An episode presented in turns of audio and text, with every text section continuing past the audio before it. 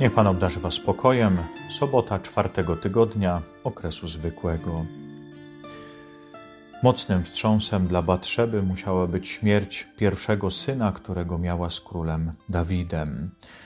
Nic o tym nie wiemy, bo Pismo Święte nie mówi. Widzimy tylko smutek króla Dawida. Najpierw widzimy jego posty, jego modlitwę, widzimy też i smutek z powodu śmierci syna, ale potem widzimy również i nawrócenie. Pozostałością po tym jest chociażby Psalm 51, ta modlitwa pokutnika, modlitwa pokutującego króla Dawida, ale z pewną nadzieją, że sercem skruszonym Ty, Panie, nie pogardzisz. I Pan Bóg nie pogardził skruszonym sercem zarówno Dawida, jak i Batrzeby.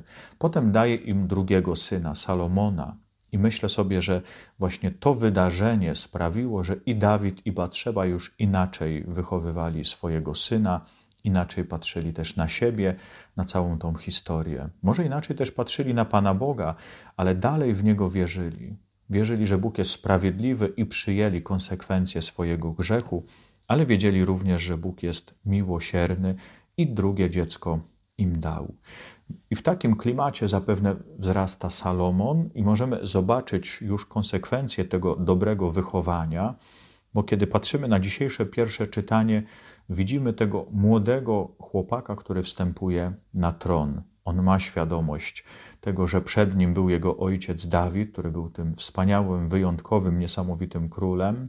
Wiedział, jakim jest obdarzany szacunkiem, właśnie jaki waleczny był, jaki respekt budził zarówno wśród poddanych, jak i wrogów, a teraz on zostaje królem. Ma tą świadomość i dlatego na to byśmy powiedzieli, pewną propozycję, którą otrzymuje od Boga, proś o to, co mam ci dać, odpowiada z wielką pokorą, ale i również mądrością. Racz więc dać Twemu słudze serce rozumne do sądzenia Twego ludu i rozróżniania dobra od zła, bo któż zdoła sądzić ten lud Twój tak liczny? O to właśnie prosi, o to serce rozumne do sądzenia, żeby rozróżnić, co jest dobre i co złe, i widzi w tym największą wartość. Nie chce być silny, nie chce być waleczny, nie chce, żeby wszyscy wrogowie zostali pokonani, wszyscy oponenci, bo na pewno takich miał. Nie prosi o nic dla siebie, tak wprost, ale właśnie prosi o to mądrość, o to rozróżnianie między dobrem i złem, bo wie, że to będzie dobre dla niego, a przez niego będzie dobre również i dla królestwa. I pięknie również odpowiada Pan Bóg ponieważ prosiłeś o to, a nie poprosiłeś dla siebie o długie życie, ani też bogactwa, i nie poprosiłeś o zgubę Twoich nieprzyjaciół, ale prosiłeś dla siebie o umiejętność rozstrzygania spraw sądowych, oto spełniam Twoje pragnienie, daję Ci serce mądre i pojętne, takie, że podobnego przed Tobą nie było i po Tobie nie będzie. I choć nie prosiłeś, daję Ci ponadto bogactwo i sławę, tak, iż za Twoich dni podobnego Tobie nie będzie wśród królów. Tu możemy zobaczyć echa słów Chrystusa później wypowiedzianych, kto ma, temu będzie dodane. Salomon miał trochę roztropności, mądrości, żeby poprosić właściwie, a Pan Bóg mu dorzuca. No byśmy wiedzieli, ma już mądrość, a teraz jeszcze będzie bogaty i teraz będzie jeszcze sławny. Ale taki jest Pan Bóg hojny. Kto ma, temu będzie dodane. I kiedy patrzymy na Ewangelię, możemy zobaczyć, jak ważne jest rozróżnianie, co jest dobre i co jest złe, czyli ta mądrość dotycząca życia, ale na razie życia swojego, bo właśnie Salomon też potrzebuje wiedzieć, co się w nim dzieje, żeby mógł mądrze sądzić.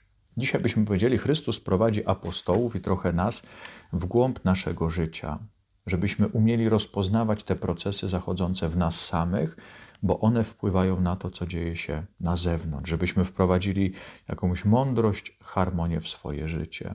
No, często nie wiemy, y, co jest podstawą naszego zachowania. Dlaczego jestem dzisiaj zirytowany? Dlaczego jestem poddenerwowany? Dlaczego dzisiaj jestem taki szczęśliwy? Albo dlaczego jestem zdenerwowany, czy może smutny, czy jakiś melancholijny? Trochę możemy zrzucić zawsze na pogodę, że dzisiaj taka pogoda, a nie inna, ale Chrystus dzisiaj mówi, czy jest w Twoim życiu ład i harmonia, mówiąc językiem trochę świętego Ignacego z Loyoli, czy rozumiesz te wszystkie poruszenia, które dzieją się w Tobie? Dzisiaj Pan Jezus patrzy na swoich uczniów i w pewnym momencie mówi do nich: Pójdźcie wy sami osobno na pustkowie i wypocznijcie nieco. Tak wielu bowiem przychodziło i odchodziło, że nawet na posiłek nie mieli czasu. A potem, potem Jezus, widząc te tłumy, które przychodzą, lituje się nad nimi i ich naucza. Widzimy Chrystusa, który trochę porządkuje życie apostołów. Tak jakby chciał powiedzieć: jest czas na pracę, jest czas na odpoczynek, jest czas na właściwy posiłek i jest czas na naukę. Trochę znowu my widzimy tutaj echa Kocheleta, który mówi: Wszystko ma swój czas. I teraz my trochę w naszym życiu mieszamy. Kiedy mamy odpocząć, to trochę robimy coś, co wcale odpoczynkowi nie służy. Dzisiaj bardzo mocno kradniemy sobie chociażby nasz ten nocny sen, przedłużając wieczory. A Chrystus mówi: odpocznijcie, bo to jest ważne. Potem idziemy do pracy i nie zawsze jesteśmy w tej pracy wypoczęci, i trochę w tej pracy myślimy, jakby tu uszczknąć trochę czasu na odpoczynek czy rozrywkę. Posiłek również czasami jemy szybko, czasami właśnie na stojąco. No, jak się uczymy, to też trochę nauki, trochę rozrywki, trochę byśmy sobie może nawet wtedy odpoczęli. Chrystus mówi: Na wszystko jest czas. Kiedy pracujesz, rób to sumiennie dobrze. Kiedy odpoczywasz, też dobrze odpoczywaj, bo to jest ważne i potrzebne. Kiedy jesz posiłek, usiądź, spokojnie zjedz, może w dobrym towarzystwie poprowadź również dobrą rozmowę. A kiedy się uczysz, może do tej nauki również można się przyłożyć. Wszystko ma swój czas, wszystko ma swoją mądrość i wszystko ma swoją harmonię. Tak działa Chrystus, do tego zaprasza swoich apostołów, no i trochę i nas, żebyśmy ten ład wprowadzili w życie.